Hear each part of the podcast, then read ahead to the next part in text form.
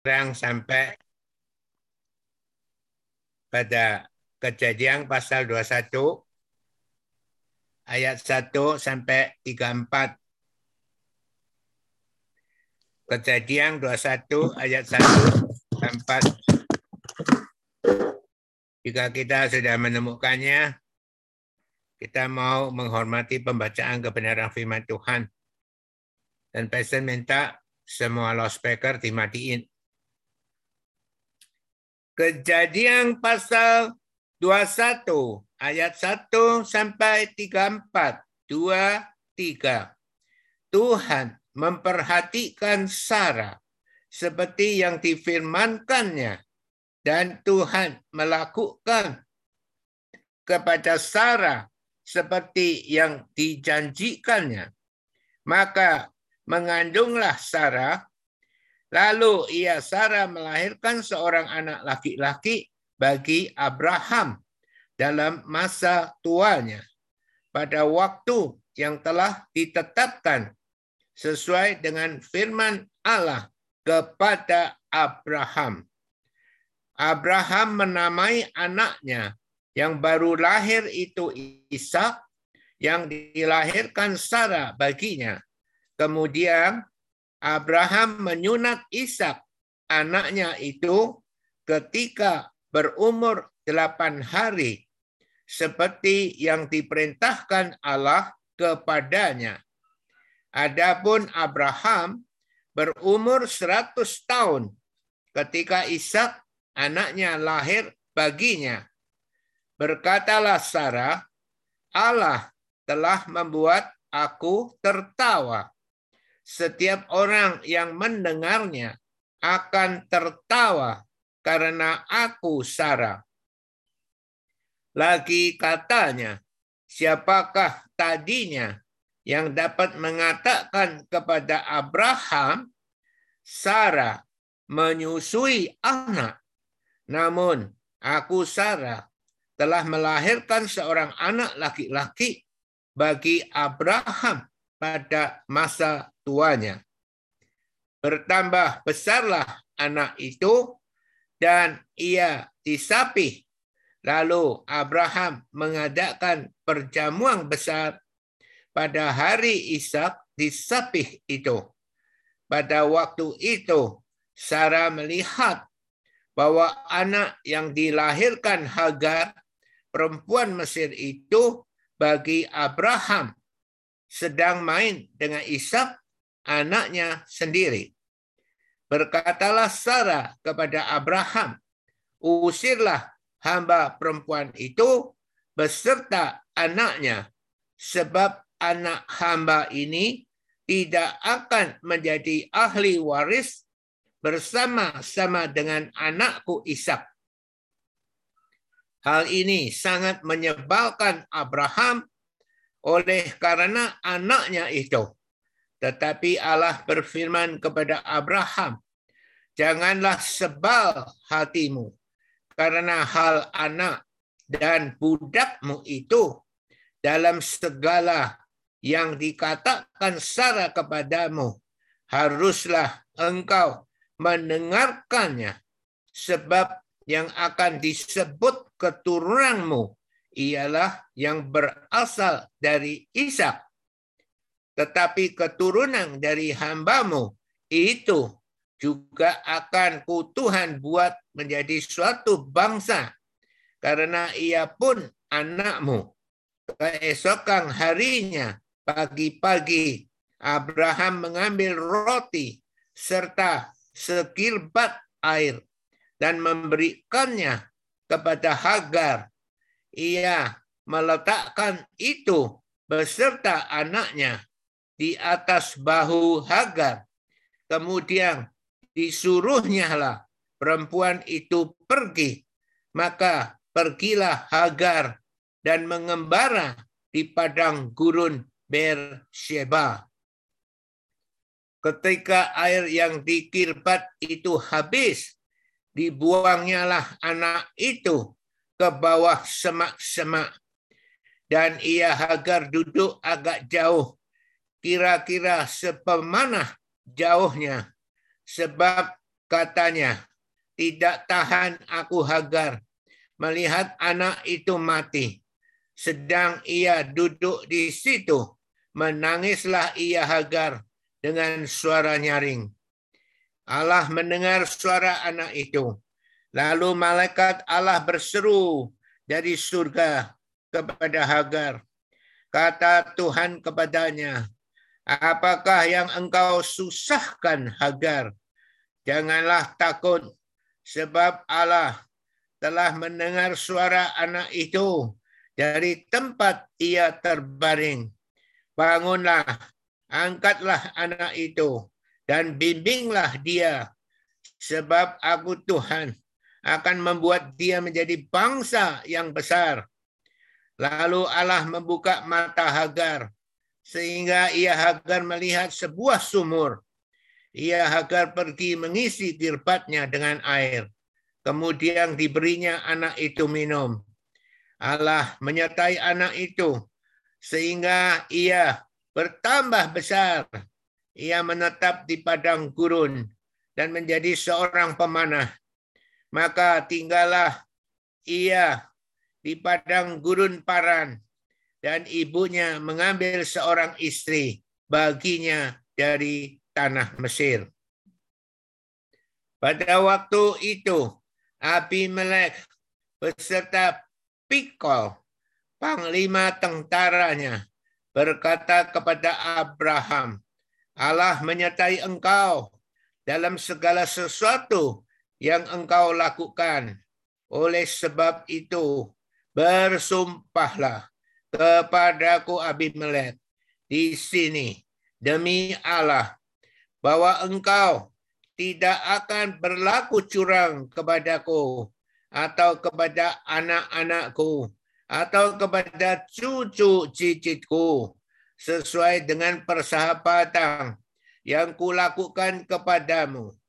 Demikianlah harus engkau berlaku kepadaku dan kepada negeri yang kau tinggali sebagai orang asing. Lalu kata Abraham, aku bersumpah. Tetapi Abraham menyesali Abimelek tentang sebuah sumur yang telah dirampas oleh hamba-hamba Abimelek. Jawab Abimelek, aku Abimelek tidak tahu siapa yang melakukan hal itu lagi tidak kau Abraham beritahukan kepadaku dan sampai hari ini belum pula ku dengar. Lalu Abraham mengambil domba dan lembu dan memberikan semuanya itu kepada Abimelek. Kemudian kedua orang itu mengadakan perjanjian. Tetapi Abraham memisahkan tujuh anak domba betina dari domba-domba itu. Lalu kata Abimelek kepada Abraham, untuk apakah ketujuh anak domba yang kau pisahkan ini? Jawab Abraham, ketujuh anak domba ini harus kau terima dari tanganku untuk menjadi tanda bukti bagiku Abraham bahwa akulah Abraham yang menggali sumur ini. Sebab itu orang menyebutkan tempat itu Beersheba. Karena kedua orang itu telah bersumpah di sana setelah mereka mengadakan perjanjian di Beersheba.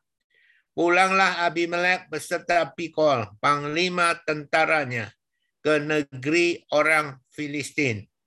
Lalu Abraham menanam sebatang pohon tamariska di Berseba dan memanggil di sana nama Tuhan Allah yang kekal. Dan masih lama Abraham tinggal sebagai orang asing di negeri orang Filistin.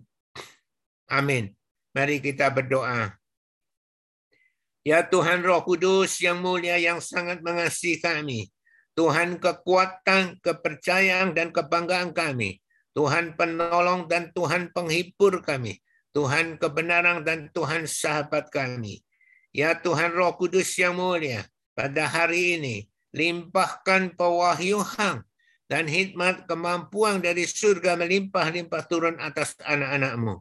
Dan jamahlah hati anak-anakmu sehingga hati anak-anakmu menjadi hati yang lembut, hati yang baik, hati yang siap ditabur oleh kebenaran firman Tuhan, siap bertumbuh dan berbuah-buah di dalam kebenaran firman Tuhan. Ya Tuhan mampukan hambamu, kuatkan hambamu, terutama layakkan hambamu, layakkan hambamu ya Tuhan, sehingga hambamu dapat menyampaikan kebenaran firmanmu dengan benar pada pagi hari ini. Tuhan berkaryalah. Kami sungguh bergantung dan berharap kepadamu. Dengan iman kami percaya doa-doa kami telah kau dengar dan telah kau kabulkan. Kau sungguh mulia, sangat mulia Tuhan Roh Kudus yang mulia. Di dalam nama Tuhan Yesus. Haleluya. Amin. Beri kemuliaan bagi Tuhan. Haleluya. Haleluya. Haleluya. Ya, saudara telah mendengarkan sebuah cerita bahwa akhirnya Sarah mengandung dan melahirkan anak sesuai yang dijanjikan oleh Tuhan sebelumnya. Saudara, ini adalah sebuah cerita. Kalau kita hanya membaca saja sebuah cerita, maka kita hanya menganggap ini adalah sebuah cerita biasa saja. Tetapi sebetulnya Tuhan mau memberi kita pewahyuan yang penting di dalam perikop kejadian pasal 21 ayat 1 sampai 34 ini. Mari kita baca sekali lagi pelan-pelan dari ayat 1 sampai 7 bagaimana janji Tuhan yang penuh mujizat dan pasti benar-benar diberikan kepada Abraham dan Sarah. Mari kita lihat kejadian 21 ayat 1 sampai 7. Tuhan memperhatikan Sarah. Tuhan tidak pernah lupa atas janjinya. Satu tahun yang lalu dia berjanji. Maka Tuhan memperhatikan Sarah seperti yang difirmankannya dan Tuhan melakukan kepada Sarah seperti yang dijanjikannya. Jadi saudara harus pasti Tuhan kalau sudah berjanji pasti dikenapi. Maka mengandunglah Sarah. Umur 90 tahun telah mati head.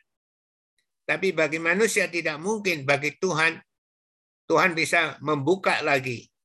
Sehingga bisa hidup lagi. Maka mengandunglah Sarah, lalu ia Sarah melahirkan seorang anak laki-laki bagi Abraham dalam masa tuanya Abraham. Pada waktu yang telah ditetapkan sesuai dengan firman Allah kepadanya. Satu tahun yang kemarin Tuhan berjanji. Dan sekarang benar-benar ya Sarah melahirkan seorang anak laki-laki. Abraham menamai anaknya yang baru lahir itu Ishak ya karena Tuhan sudah memberi nama yang dilahirkan Sarah baginya. Kemudian Abraham menyunat Ishak anaknya itu ketika berumur delapan hari. Saudara perhatikan, sunat itu diperintahkan oleh Tuhan ketika anak laki-laki lahir setelah umur 8, 8 hari harus disunat. Ishak disunat pada hari ke-8. Dan Yesus juga disunat pada hari ke-8. Nah, kenapa hari ke-8? Karena telah diuji oleh sebuah institut ya universitas yang terkenal entah itu di Amerika atau di Eropa, itu mau membuktikan kenapa harus 8 hari. Ternyata 8 hari diteliti satu hari, dua hari, tiga hari, Ya, empat hari, lima hari, setahun, dua tahun, tiga tahun. Ternyata titik beku darah manusia yang terbaik adalah pada hari ke-8.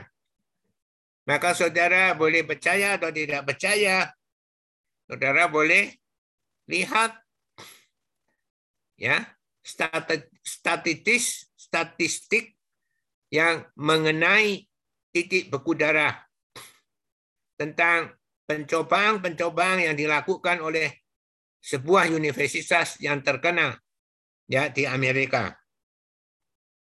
Untuk jika bukan 8 hari yang terbaik, maka Alkitab boleh dipatahkan kebenarannya. Tetapi ternyata adalah 8 hari adalah yang terbaik. Karena titik beku darah. Begitu disunat, tidak keluar darah. Tetapi keluar darah sedikit, langsung beku. Berarti Tuhan yang menciptakan manusia, sehingga Tuhan men mengerti konstruksi tubuh manusia. Karena Tuhan yang menciptakan manusia. Dan Ishak disunat pada hari ke-8. Tetapi Ismail disunat pada umur 13 tahun. Maka kepercayaan ada yang disunat 8 hari, menurut perjanjian Tuhan adalah 8 hari. Menurut keadaan manusia, yaitu umur 13 tahun.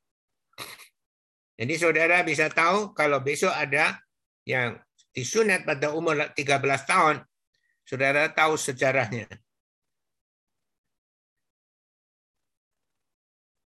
Kemudian Abraham menyunat Ishak anaknya itu ayat 4 ketika berumur 8 hari seperti yang diperintahkan Allah kepadanya. Adapun Abraham berumur 100 tahun ketika Ishak anaknya lahir baginya. Jadi pada waktu itu kita sudah melihat di dalam kejadian 6 karena manusia sangat sangat jahat, bahkan anak-anak Allah, yaitu keturunan dari Seth, yang dilindungi Tuhan, yang dikuduskan Tuhan, mereka sudah lupa ya tidak menghargai kekudusan Tuhan yang berikan kepada mereka sehingga mereka ya mengambil anak-anak keturunan kain yang telah berdosa itu sekalipun dilihat kelihatannya cantik-cantik dan akhirnya melahirkan anak-anak yang sangat besar-besar, sangat tidak normal. Dan Tuhan lihat manusia sudah sangat bejat, maka manusia dilenyapkan pada waktu itu. Dan sebelumnya Tuhan mengatakan bahwa manusia adalah daging karena rohnya mati, maka hidupnya hanya 120 tahun. Maka ketika jadi jangan saudara salah paham ketika Abraham, ketika Adam umur 900 tahun, Adam masih melahirkan anak. Ya, Hawa masih melahirkan anak. Tetapi sampai Abraham umur 100 tahun mendekati 120 tahun itu sudah termasuk tua. Jadi saudara Ya. Nah, kalau saudara mau sungguh-sungguh membaca Alkitab, sungguh-sungguh merenungkan Alkitab, jadi saudara tahu. Jadi jangan dikira kenapa mereka kemarin 500 tahun masih melahirkan anak, tetapi Abraham 100 tahun kok sudah dianggap tua. Ya karena kejadian pasal 6 itu. Ya manusia sejak itu dilenyapkan. Tapi karena Nuh terlanjur umurnya pada waktu itu sudah umur 600 tahun. Demikian anaknya Sem, Ham, dan Yahweh itu juga sudah 100 tahun yang lebih. Tapi mereka masih melahirkan anak. Tapi sampai Abraham itu 100 tahun sudah dianggap tua. Bahkan ah, Sarah pun 90 tahun sudah mati head. Kalau perempuan sudah mati head, tidak bisa melahirkan anak. Tidak bisa mengandung lagi. Jadi ini untuk penjelasan supaya saudara benar-benar mengerti tentang seluruh Alkitab. Itu uh, gunanya mendengarkan khotbah ekspositori dengan benar.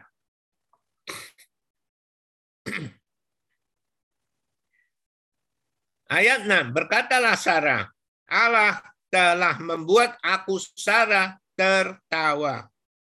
Setiap orang yang mendengarnya akan tertawa karena aku Sarah. Kenapa tertawa? Sudah tua kenapa masih mengandung, masih melahirkan. Lagi kata Sarah, siapakah tadinya yang dapat mengatakan kepada Abraham, Sarah menyusui anak. Kalau Sarah bisa menyusui anak, berarti dia mempunyai anak, melahirkan anak. Namun aku Sarah telah melahirkan seorang anak laki-laki baginya, yaitu bagi Abraham pada masa tuanya. Maka namanya Ishak. Ya, tertawa.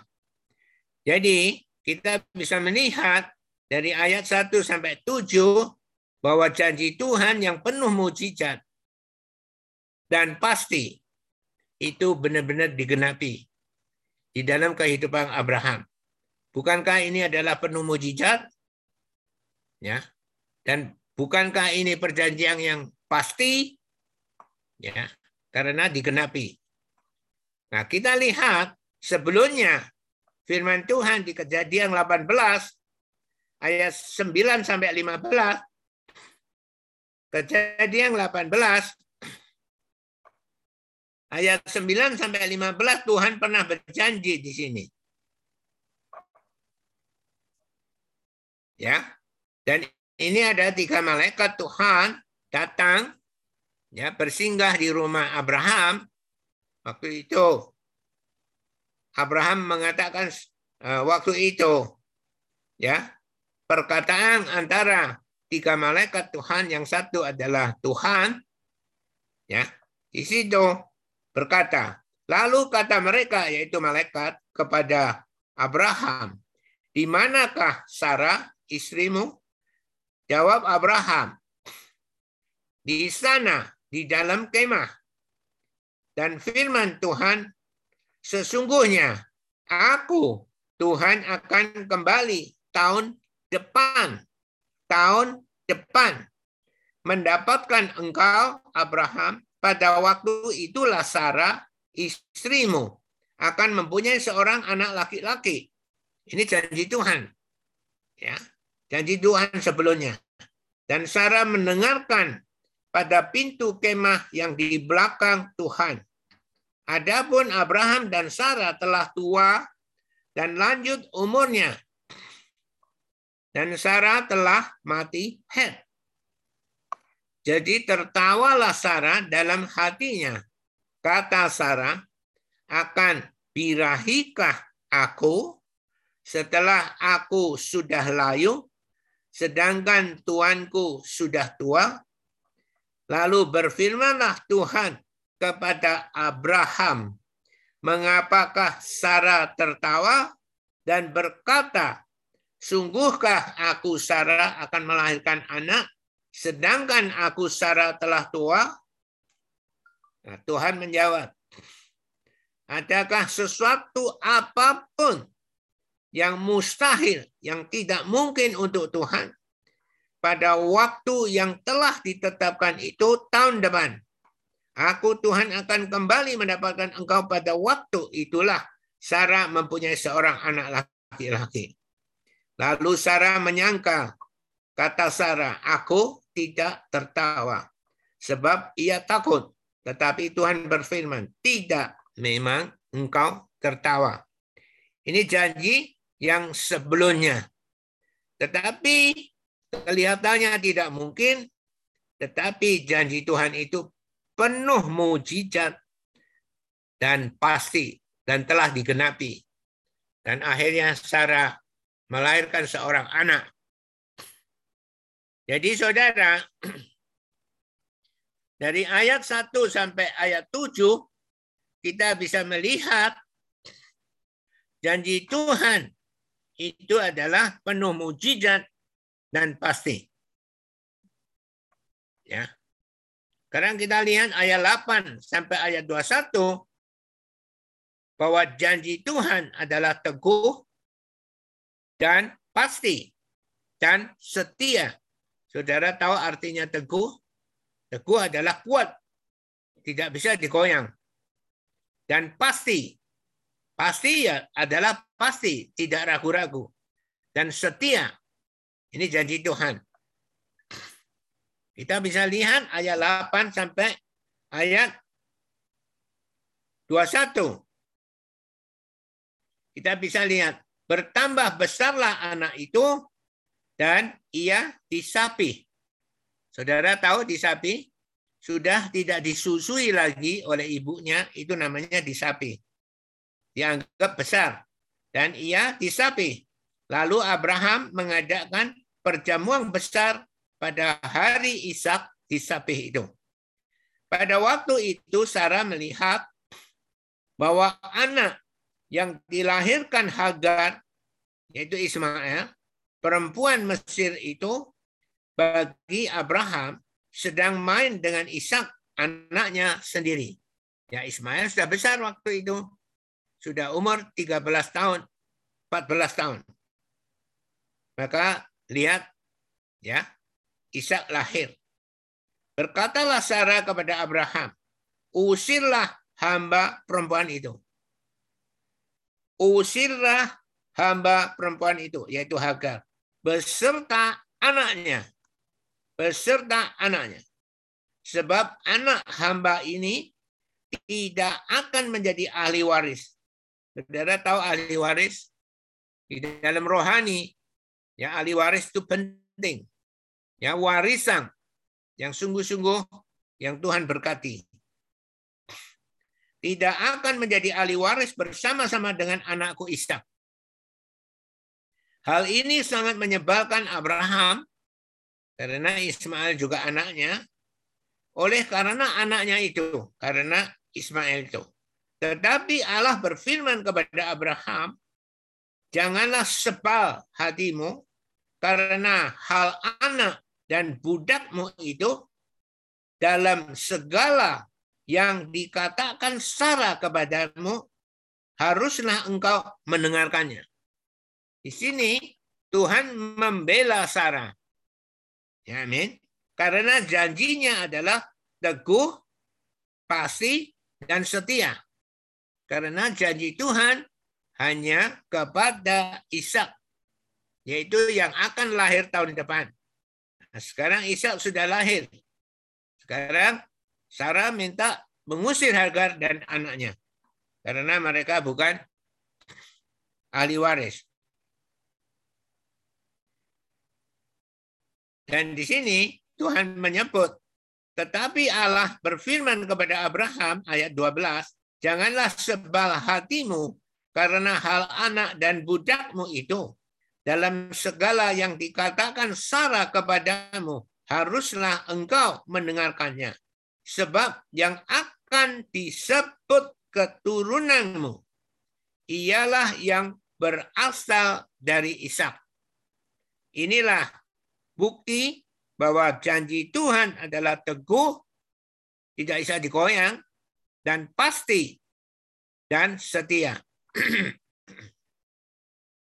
Tuhan tidak bolak-balik. Ya, Tuhan adalah setia. Tetapi keturunan dari hambamu itu juga akan ku Tuhan buat menjadi suatu bangsa karena ia pun anakmu. Itulah bangsa Arab, saudara. Ya, dari Ibrani ya dengan Mesir. Keesokan harinya pagi-pagi Abraham mengambil roti dia bertindak, bukan tidak bertindak. Keesokan harinya, berarti tidak menunggu, pagi-pagi Abraham mengambil roti serta sekirbat air. Saudara, tahu sekirbat air? Jadi air dimasukkan di tempat kulit dibikin untuk ya penyimpan air dan memberikannya kepada Hagar. Ia Abraham meletakkan itu beserta anaknya di atas bahu Hagar. Ya, Pastor mau ngoreksi ya kata ini, kalimat ini yang benar. Jadi Abraham mengambil roti serta sekilbat air dan memberikannya kepada Hagar dan meletakkan itu yaitu sekir roti dan sekirbat air di atas bahu Hagar. Jadi yang di atas bahu Hagar itu adalah roti dan sekirbat air. Dan menyerahkan ya anaknya. Jadi waktu itu Ismail sudah 14 tahun. Lebih tinggi daripada ibunya. Tidak mungkin dia diletakkan di bahu Hagar. Jadi saudara mengerti? Ya karena Pastor punya Alkitab bahasa Mandarin, bahasa Inggris, jadi bisa dicocokkan. Ini menerjemahkannya salah. Saudara mengerti? Amin. Kemudian disuruhnya lah perempuan itu pergi, maka pergilah Hagar dan mengembara di padang gurun Berseda. Jadi saudara, dari sini kita bisa melihat bahwa janji Tuhan itu adalah teguh, tidak bisa digoyangkan. Dia sudah mengatakan, ya karena perjanjianku akan ku, ku adakan kepada anakmu ya Ishak yang akan lahir pada tahun depan. Jadi janji Tuhan adalah teguh dan pasti dan setia. Maka dia Tuhan mengizinkan bahwa Abraham mengusir Hagar dan anaknya. Nah, secara manusia ini adalah kejam. Tetapi Tuhan adalah membela janjinya. Tapi apakah anak itu, anak agar dibiarkan? Tidak. Tuhan sertai juga. Tetapi dari ayat 9 sampai 14 itu jelas sekali bahwa janji Tuhan adalah teguh dan pasti dan setia. Adakah amin? Tetapi apakah uh, anak itu, yaitu Ismail, dan Hagar dibiarkan oleh Tuhan? Tidak. Di ayat 15 sampai ayat 21, Tuhan sertai. Dan akhirnya Tuhan membuka mata, hati Hagar sehingga Hagar bisa melihat sebuah sumur ketika di dalam kirbat air itu sudah habis, dia membuang anaknya Ismail. Dan dia tidak tega melihat anaknya meninggal. Tetapi Tuhan mengatakan, jangan takut. Dan Tuhan juga akan sertai Ismail. Maka Ismail menjadi seorang pemanah di padang gurun. Jadi saudara, saya tidak ulang lagi. Jadi 8 sampai 21 itu menunjukkan janji Tuhan adalah teguh dan pasti dan setia. Termasuk kepada Ismail pun Tuhan tidak membiarkan dia mati. Tapi tetap dibimbing menjadi ya seorang pemanah di padang gurun. Yaitu di padang gurun Paran. Dan akhirnya ibunya Hagar mengambil seorang istri bagi Ismail dari tanah Mesir lagi. Akhirnya lahir keturunan Arab. Ya, Ibrani dengan Mesir yaitu Hagar lahir Ismail. Ismail dengan Mesir lagi ya lahir bangsa Arab. Inilah sejarah kenapa ada bangsa Arab jadi saudara jadi bisa mengerti. Sekarang kita lihat ayat 22 sampai 34. Ayat 22 sampai ayat 34.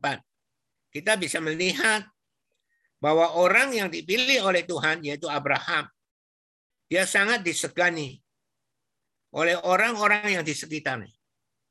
Mari kita lihat apakah benar dia disegani orang-orang yang di sekitarnya.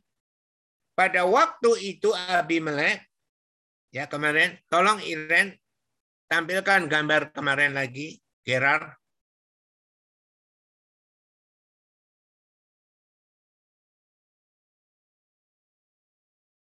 Ya, kita tunggu sebentar. Kita lihat gambar.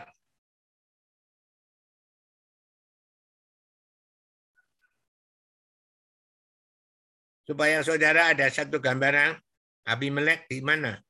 Abimelek adalah raja dari Gerar.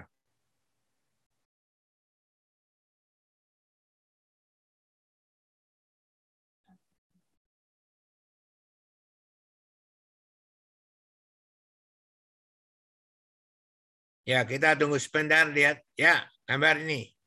Lihat ini Gerar ini. Ya. Ya, dibesarkan. Kita lihat Gerar. Ya, waktu itu ah, Abraham di Kadesi di sini dekat Gerar. Gerar adalah di sini Raja Abimelek adalah Raja Gerar. Ya, Abraham di sini. Tempat tinggal di sini. Nah sekarang pada waktu itu Abimelek beserta Pikol, panglima tentaranya, berkata kepada Abraham, ini pengakuan dari Abimelek, Allah menyertai engkau dalam segala sesuatu yang engkau lakukan. Ini pengakuan orang luar terhadap Abraham. Ya, bahwa Allah menyertai engkau Abraham dalam segala sesuatu yang engkau lakukan.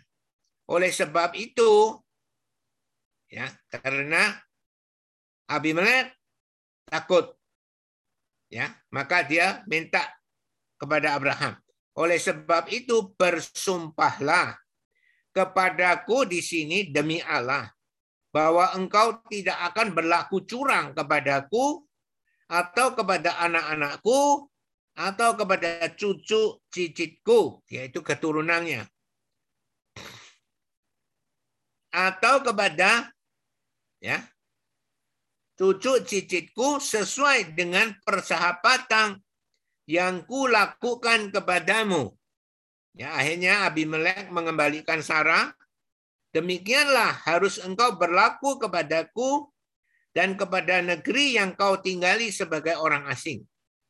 Lalu kata Abraham, aku bersumpah.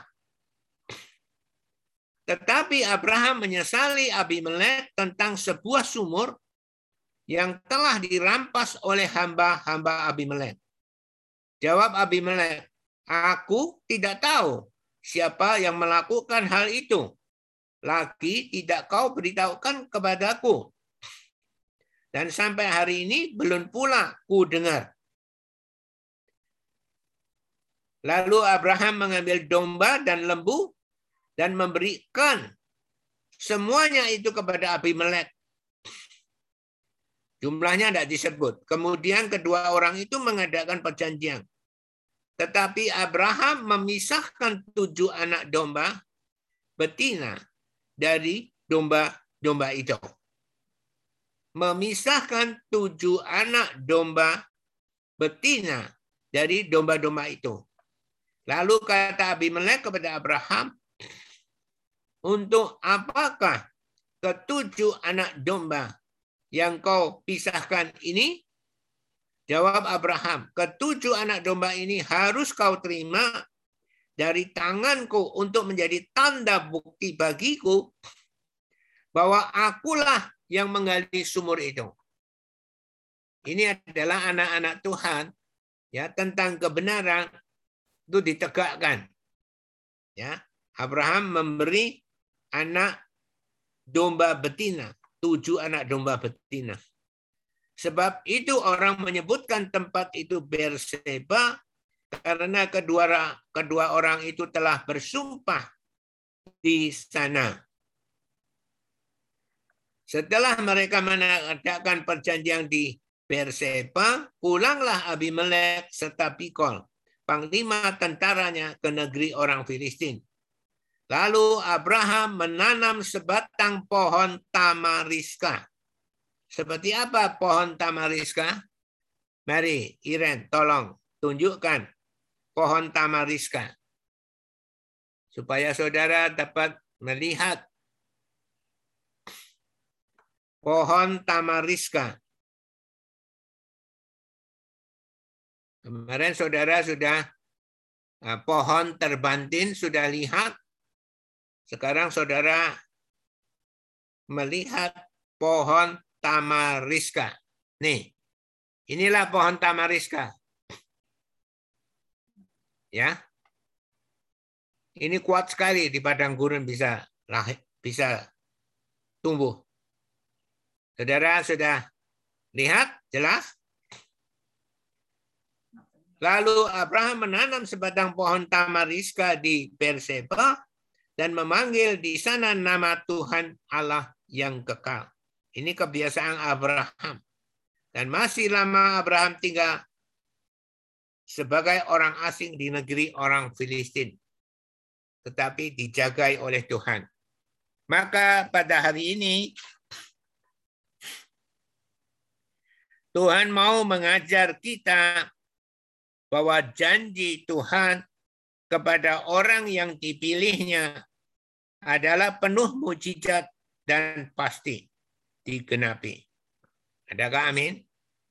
Janji Tuhan kepada orang yang dipilihnya adalah penuh mujizat dan pasti digenapi. Jadi saudara, inilah jadi Perikop kejadian 21 ayat 1 sampai 34. Kita sudah melihat dari ayat 1 sampai 7. Kita tahu janji Tuhan yang penuh mujizat dan pasti. Dan kita bisa melihat ayat 8 sampai 21. Janji Tuhan adalah teguh dan pasti dan setia. Ketika ya Sarah minta Abraham untuk mengusir Hagar dan anaknya karena bukan ahli waris. Karena Tuhan, janji Tuhan hanya kepada Ishak. Maka janji Tuhan adalah teguh dan pasti dan setia. Maka kita lihat di dalam ayat 22 sampai 34, orang yang dipilih oleh Tuhan sangat disegani oleh orang-orang yang di sekitarnya, yaitu Abimelek, ya dan Pikol panglima tentaranya. Maka pada hari ini Tuhan mau mengajar kita dalam kejadian pasal 21 ayat 134 bahwa janji Tuhan kepada orang yang dipilihnya adalah penuh mujizat dan pasti dikenapi. Saudara setuju? Amin. Ini adalah pewahyuan yang Tuhan berikan kepada kita. Maka jika kita mempunyai kerangka pikiran yang benar, kita harus percaya bahwa janji Tuhan kepada orang yang dipilihnya adalah penuh mujizat dan pasti dikenapi. Ya, lepaskan gambar ini lagi, Iren.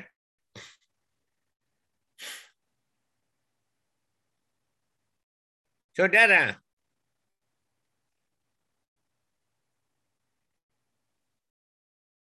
Sekarang di dalam pasal 18 kita telah belajar sebelumnya. Sekarang ini adalah pasal 21, kejadian pasal 21. Di dalam kejadian pasal 18 kita bisa mengerti kasih Tuhan terhadap orang yang dipilihnya adalah sempurna. Kita telah diajar yaitu Tuhan berkata, yang tadi kita baca, kejadian 18 ayat 9 sampai 15. Ya, sampai Sarah ditegur bahwa kau ketawa tapi Sarah takut. Dia bilang tidak. Tetapi Tuhan bilang kau ketawa. Jadi di dalam pasal 18, kasih Tuhan terhadap orang yang dipilihnya adalah sempurna. Karena Tuhan mengatakan, adakah sesuatu yang mustahil bagi Tuhan? Ini adalah benar-benar kita telah belajar. Jadi rencana Tuhan ya juga tidak disembunyikan di ayat 19 dan seterusnya ya kepada Abraham bahwa Tuhan mau lenyapkan Sodom dan Gomora. Itu pun diberitahu kepada Abraham. Dan bahkan Abraham diberi kesempatan untuk menasihati Tuhan, tetapi Abraham tidak binasa. Nah, di dalam pasal 20, di situ kita juga diajar, yaitu minggu kemarin, sekalipun iman Abraham sangat lemah, tetapi janji Tuhan terhadap Abraham pasti digenapi. Sekalipun sangat lemah. Yaitu ketika dia takut, dia selalu berkata kepada Sarah bahwa kalau di mana saja, kalau ada orang tanya, Sarah harus mengatakan bahwa Abraham adalah kakaknya, bukan suaminya. Karena Abraham takut kalau Tuhan tidak ada di tempat itu. Jadi iman Abraham sangat lemah. Tetapi waktu Abimelek mengambil Sarah, maka Abimelek kena tulah. Nah, seluruh perempuan yang ada di Gerar semua mandul. Maka Abimelek belum menjamah Sarah, Sarah sudah dikembalikan kepada Abraham. Jadi saudara, ini adalah kita telah belajar dari pasal 18, pasal 19, pasal 20, jadi kita sekarang hari ini diajar lagi, diteguhkan lagi bahwa janji Tuhan kepada orang yang dipilihnya adalah penuh mujizat dan pasti dikenapi. Sekarang pertanyaannya, maukah kita menjadi orang yang dipilih Tuhan? Ini pertanyaan kepada kita. Maukah kita menjadi orang yang dipilih Tuhan? Saudara, menjawab pertanyaan ini, ini tergantung seberapa kita percaya adanya Tuhan. Kalau kita percaya adanya Tuhan, maka kita sangat mau menjadi orang yang dipilih Tuhan. Tetapi jika kita tidak percaya adanya Tuhan, ya kita tidak akan mau menjadi orang yang dipilih Tuhan. Dan tentang tentang adanya Tuhan, ya Pastor sudah mengkotbahkan banyak khotbah-khotbah dari segi mana untuk membuktikan bahwa Tuhan itu ada. Jadi saudara, dari 8 hari, kenapa harus disunat pada 8 hari? Ini kan masih bayi. Bayi baru 8 hari, saudara bayangkan. Itu masih kecil sekali. Tetapi waktu itu disunat. Kalau menurut daging itu tidak masuk akal. Tapi menurut Tuhan itu adalah titik beku darah yang terbaik bagi hidup manusia. Dari bin, dari bumi yang bulat, dari matahari yang bulat, dari bulan yang bulat, bintang-bintang yang bulat, dan berputarnya juga bulat, semua membuktikan bahwa ada yang mengendalikan. Karena barang-barang yang ada di dunia ini yang berbentuk baik itu lampu, baik itu kursi, baik itu meja, baik itu rumah, baik itu arloji, baik itu pulpen, baik itu jam tangan, semua diciptakan. Tidak langsung jadi gitu.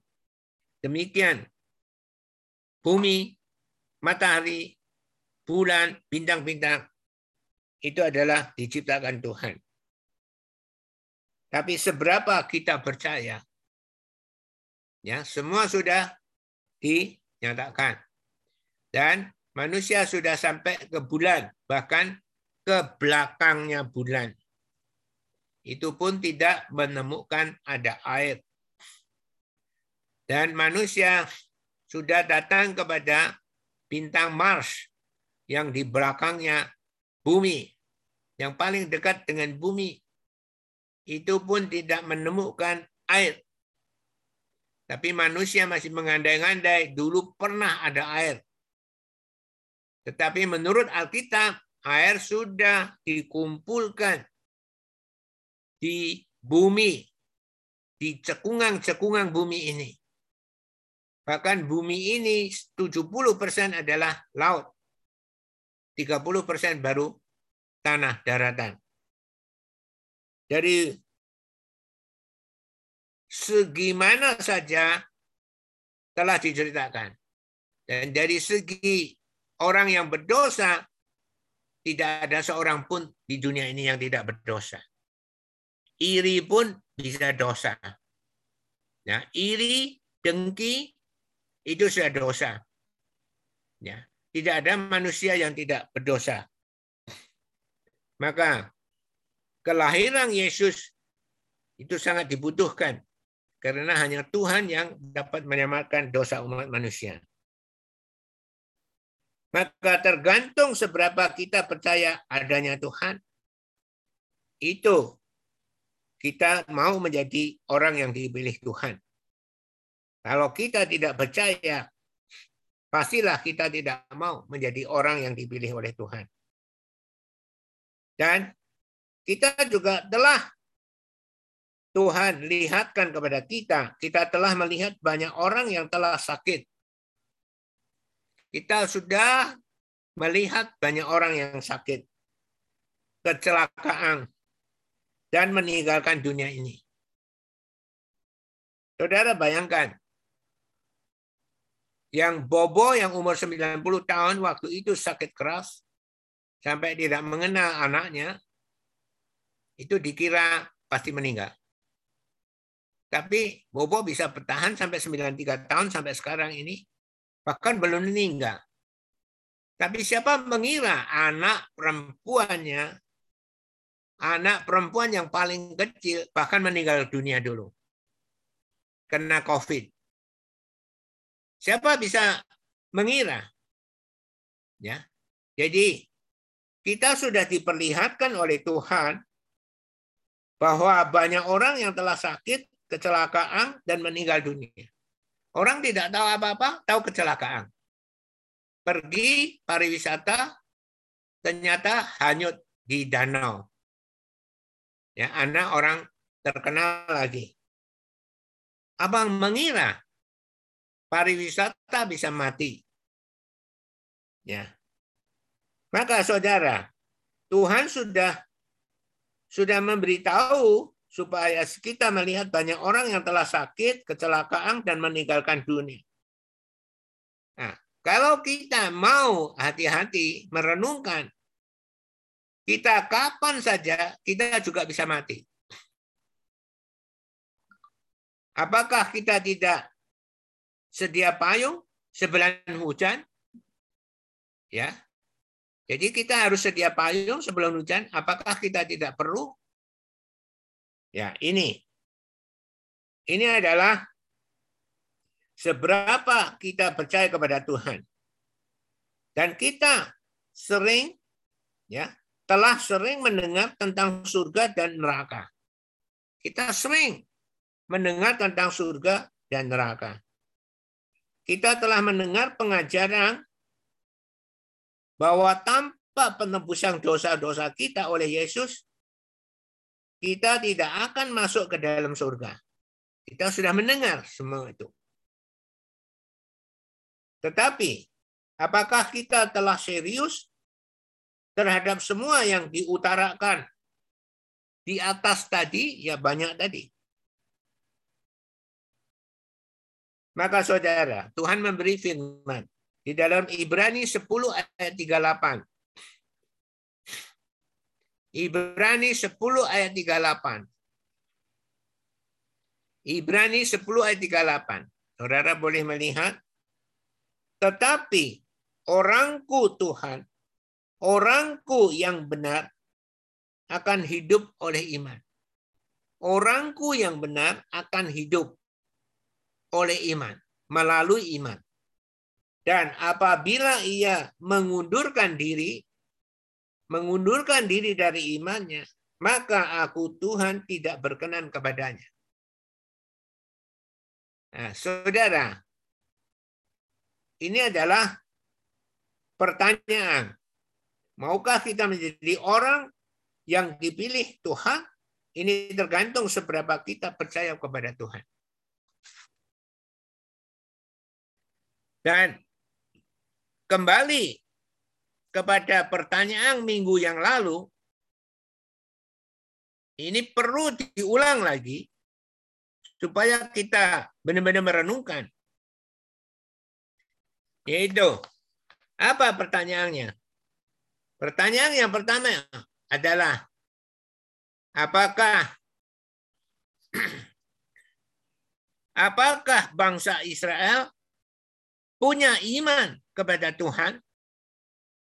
Apakah bangsa Israel percaya kepada Tuhan? Jawabnya tidak. Mereka tidak punya iman.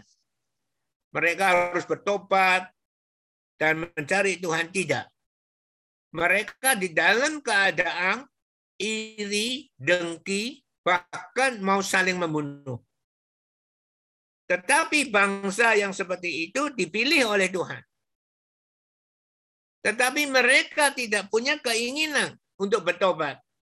Maka, apakah bangsa Israel punya iman kepada Tuhan? Jawabnya tidak. Bahkan mereka saling iri, dengki, saling mau membunuh, saling membunuh. Nah, pertanyaan kedua, tetapi apakah bangsa Israel telah mendapatkan anugerah keselamatan Tuhan? Jawabnya sudah, bahkan sangat mendapat. Bangsa yang seperti itu diangkat oleh Tuhan menjadi bangsa pilihan. Mereka sudah dapat. Pertanyaan ketiga, apakah bangsa Israel mengingini anugerah keselamatan Tuhan? Jawabnya tidak. Maka Bagaimana dengan kita-kita ini? Apakah kita punya iman kepada Tuhan?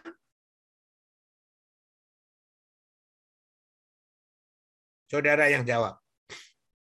Dan yang kedua, apakah kita-kita ini telah mendapatkan anugerah keselamatan? Jawabnya iya. Bahkan roh Allah telah bertata di dalam hati saudara. Buktinya, saudara bisa berbahasa lidah. Jadi kalau bilang saudara belum mendapatkan anugerah keselamatan, bagaimana roh Allah bisa di dalam hati saudara? Tetapi pertanyaan yang ketiga, apakah saudara membutuhkan anugerah keselamatan itu? Ya itu tergantung saudara. Kalau pastor butuh, Saudara, bahkan kita-kita ini lebih daripada bangsa Israel. Kenapa?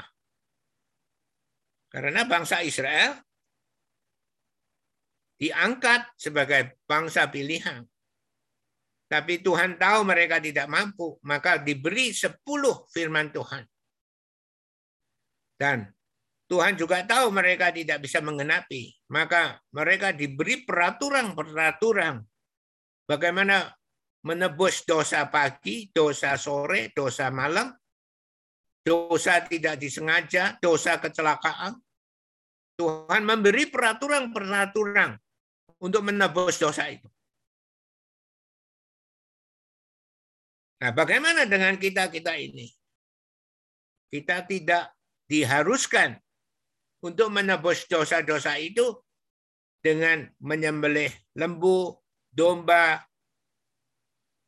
Tidak. Tetapi kita diberi perjanjian yang baru. Kalau kita percaya Yesus yang menyelamatkan dosa kita, kita diselamatkan. Jadi dengan iman kita diselamatkan. Bahkan bukan itu saja. Bangsa Israel harus menunggu Musa. Musa harus masuk ke ya, bait suci. Dan di sana ada ya ada sepuluh firman Tuhan tabut perjanjian di situ. Tuhan bicara di situ melalui Musa. Musa baru bicara pada bangsa Israel. Tetapi sekarang roh Tuhan ada di dalam hati kita.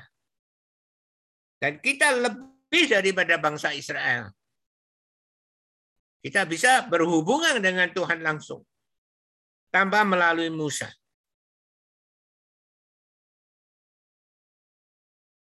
Tetapi apakah kita butuh itu? Mari, sekali lagi saya minta Iren tiga gambar yang tadi Pastor kirimkan yang terakhir, tolong ditampilkan.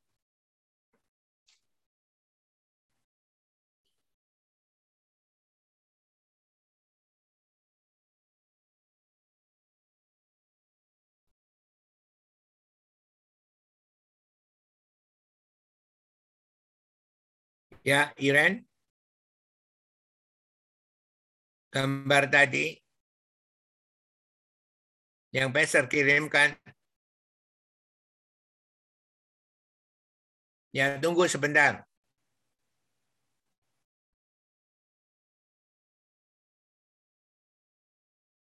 Ya, kita sabar nunggu Iren.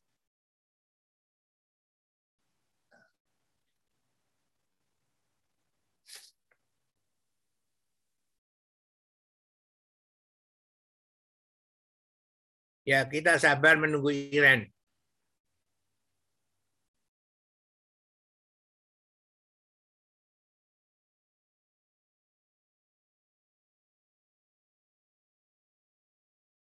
Ya, Iren. Haleluya.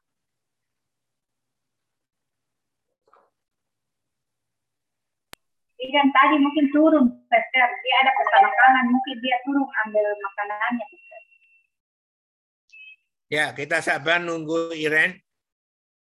Ya, Pastor kemarin pergi ke toko emas yang ada di Ambar Rumah yang sangat laris sekali. Pastor kelihatan kebetulan lihat satu hiasan warna-warni ya permata tapi bukan asli hanya batu tapi menarik sekali.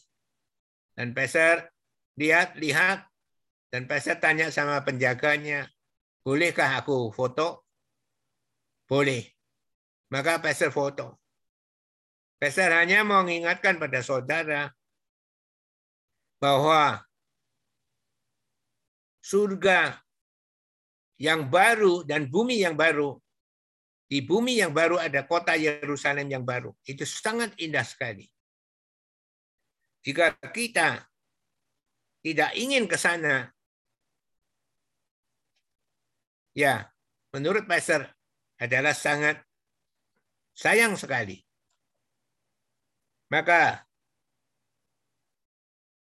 kita sebenarnya lebih daripada bangsa Israel. Tetapi bagaimana kita terhadap anugerah keselamatan yang Tuhan telah berikan kepada kita. Apakah kita menghargainya?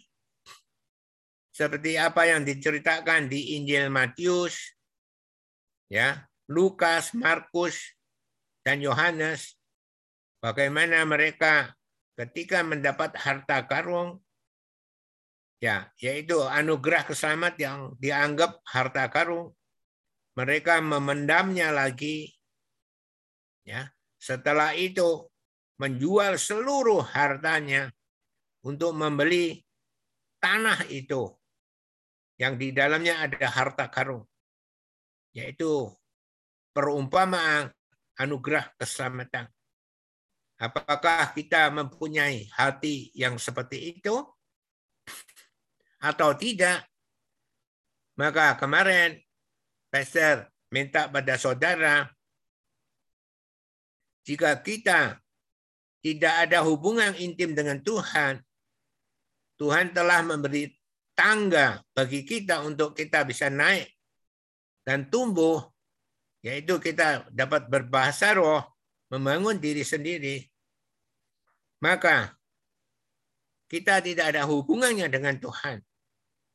Dan kalau kita tidak pernah mengadakan tanda heran kuasa mujizat, maka kita juga tidak ada hubungannya dengan Tuhan. Ya Iren bisa pasangkan uh, tiga foto yang terakhir tadi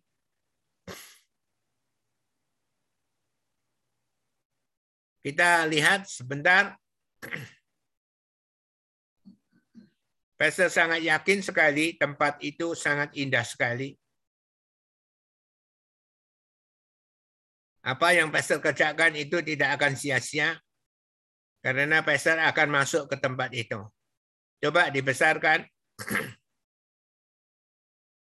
Saudara, ini Pastor kemarin ke toko Mas Saudara lihat. Coba.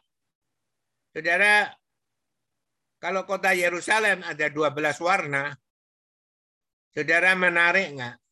Tingginya dua setengah pulau Jawa, 2.400 km. Ini baru batu, bukan bukan kristal asli ini.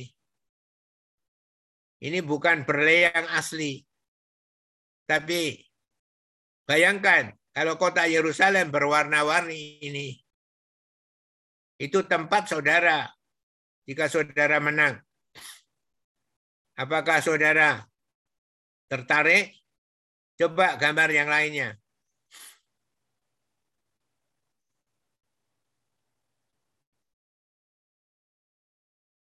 Ya, kita lihat gambar yang lainnya.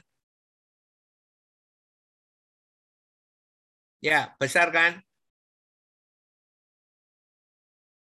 Ini umpamanya kota Yerusalem berwarna-warni seperti ini. Coba dibesarkan lagi. Oh ya, tidak bisa. Oke. Gambar yang satunya lagi.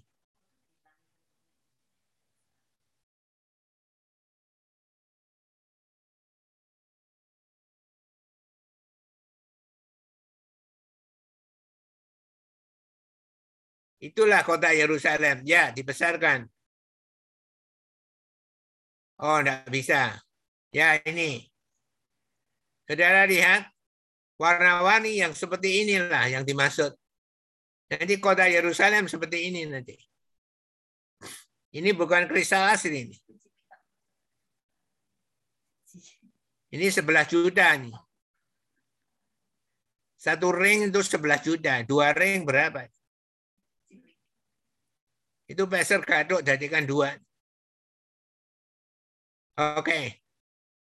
Ya, tarik gambarnya. Ya, hari ini Tuhan mau mengajar kepada kita Kejadian pasal 21 ayat 1 sampai 34. Tuhan mau mengajar kepada kita satu prinsip kebenaran yaitu janji Tuhan kepada orang yang dipilihnya adalah penuh mujizat dan pasti dikenapi. Jadi janji Tuhan bahwa kita akan masuk ke kota Yerusalem yang baru itu adalah pasti penuh mujizat dan pasti digenapi. Nah, seberapa kita percaya itu tergantung kita. Tadi sudah kita bertanya, apakah kita punya iman kepada Yesus? Kebanyakan jawabnya mesti tidak. Tapi kenapa kita bisa menerima Yesus? Karena kita telah menerima anugerah keselamatan. Seperti bangsa Israel, dia tidak punya iman. Dia harus bertobat, tetapi dia masih di dalam ya berkecimpungan di dalam iri hati, dengki, mau saling membunuh. Tetapi Tuhan tetap angkat mereka, beri mereka anugerah keselamatan. Seperti kita, kalau kita merenungkan kenapa kita bisa percaya pada Yesus, ya tidak spektakuler, tapi kenapa kita bisa percaya? Karena kita mendapat anugerah keselamatan. Sekalipun kita tidak punya iman. Dan buktinya, apakah kita menerima anugerah keselamatan? Yaitu roh Allah bertata di dalam hati kita. Kita bisa berbahasa roh. Bahasa roh itu bukan sekedar berbahasa roh, itu sangat berharga karena roh Allah yang menciptakan surga dan bumi sudah ada di dalam hati kita. Tetapi kita bertanya pada diri kita, apakah kita butuh? Itu tergantung kita.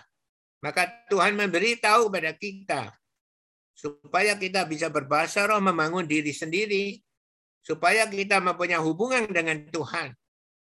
Dan kita perlu mengadakan banyak mujizat, mendoakan orang sakit, orang yang kesusahan. Dan kita akan menerima mujizat-mujizat itu. Dan tempat kita sudah ditulis di kitab Wahyu, yaitu kota Yerusalem yang sangat indah itu. Dan tadi Pastor sudah mencoba untuk menjelaskan. Dan setiap pastor pergi ke mana, di situ ada hal yang baik, pastor foto, pastor minta izin, dan sudah diberikan kepada saudara. Dan sekarang saudara mempunyai gambaran bahwa kota Yerusalem yang indah itu seperti itu. Sekarang tergantung saudara percaya atau tidak dan apakah saudara mau. Tetapi anugerah keselamatan sudah saudara terima. Mari kita tutup khotbah hari ini. Ya Tuhan, segala hal telah dilakukan, segala segi telah diberitakan bahwa kau sungguh ada dan sungguh ajaib. Biarlah kebenaran firman Tuhan pada hari ini yang telah diteguhkan di dalam kejadian pasal 21 ayat 1 sampai 34 itu bahwa janji Tuhan adalah penuh mujizat dan pasti digenapi bagi orang yang dipilihnya. Dan benar-benar tertanam di dalam hati anak-anakmu bahwa anak-anakmu harus yakin bahwa anak-anakmu benar-benar telah menerima anugerah keselamatan dari Tuhan. Bahkan lebih daripada bangsa Israel. Karena roh Allah benar-benar sudah bertata di dalam hati anak-anakmu. Tuhan, biarlah kau jamah hati anak-anakmu sehingga hati anak-anakmu menjadi hidup kembali dan bersuka cita dan bersamangat di dalam anugerahmu. Dan sangat menghargai anugerah itu. Dan sangat mau membagikan sukacita yang telah kau limpahkan di dalam hidup anak-anakmu. Dan kami serahkan anak-anakmu ke dalam tangan kasih setiamu. Kami sungguh percaya Tuhan Roh Kudus yang mulia. Kau telah mendengarkan doa-doa kami dan telah kau kabulkan doa-doa kami. Di dalam nama Tuhan Yesus. Haleluya. Amin. Beri kemuliaan bagi Tuhan. Haleluya. Ya, ada pertanyaan?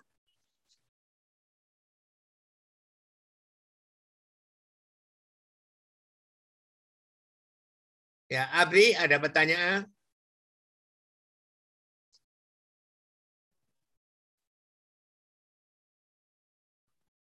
Untuk pertanyaan belum, Pastor jelas khotbahnya hari ini.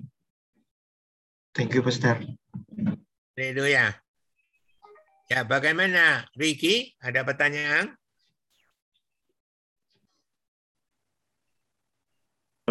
Untuk pertanyaan belum ada Pester.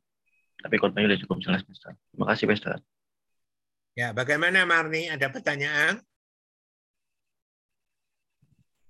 Ya, Pester, eh, sama juga untuk pertanyaan belum ada. Terima kasih untuk khutbahnya sangat jelas, Pester. Ya. Bagaimana Alex? Ada pertanyaan? ini sudah dipanggil. Satu kan finish itu, dua tiga.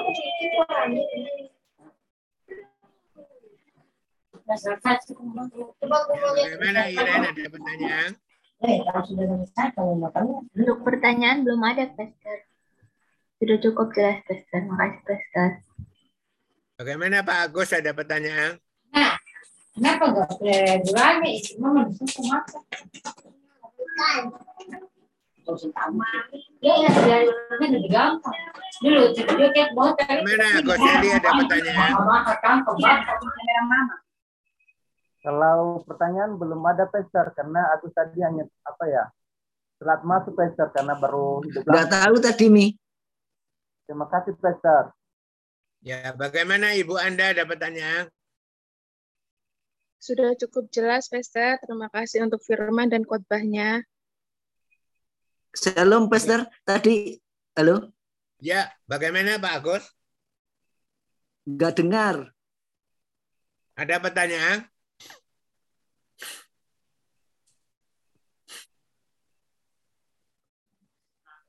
Pak Agus ada pertanyaan nggak? Ditanya Pester. Oh, oh nggak ada. Pester udah jelas. Ya, makasih. Bagaimana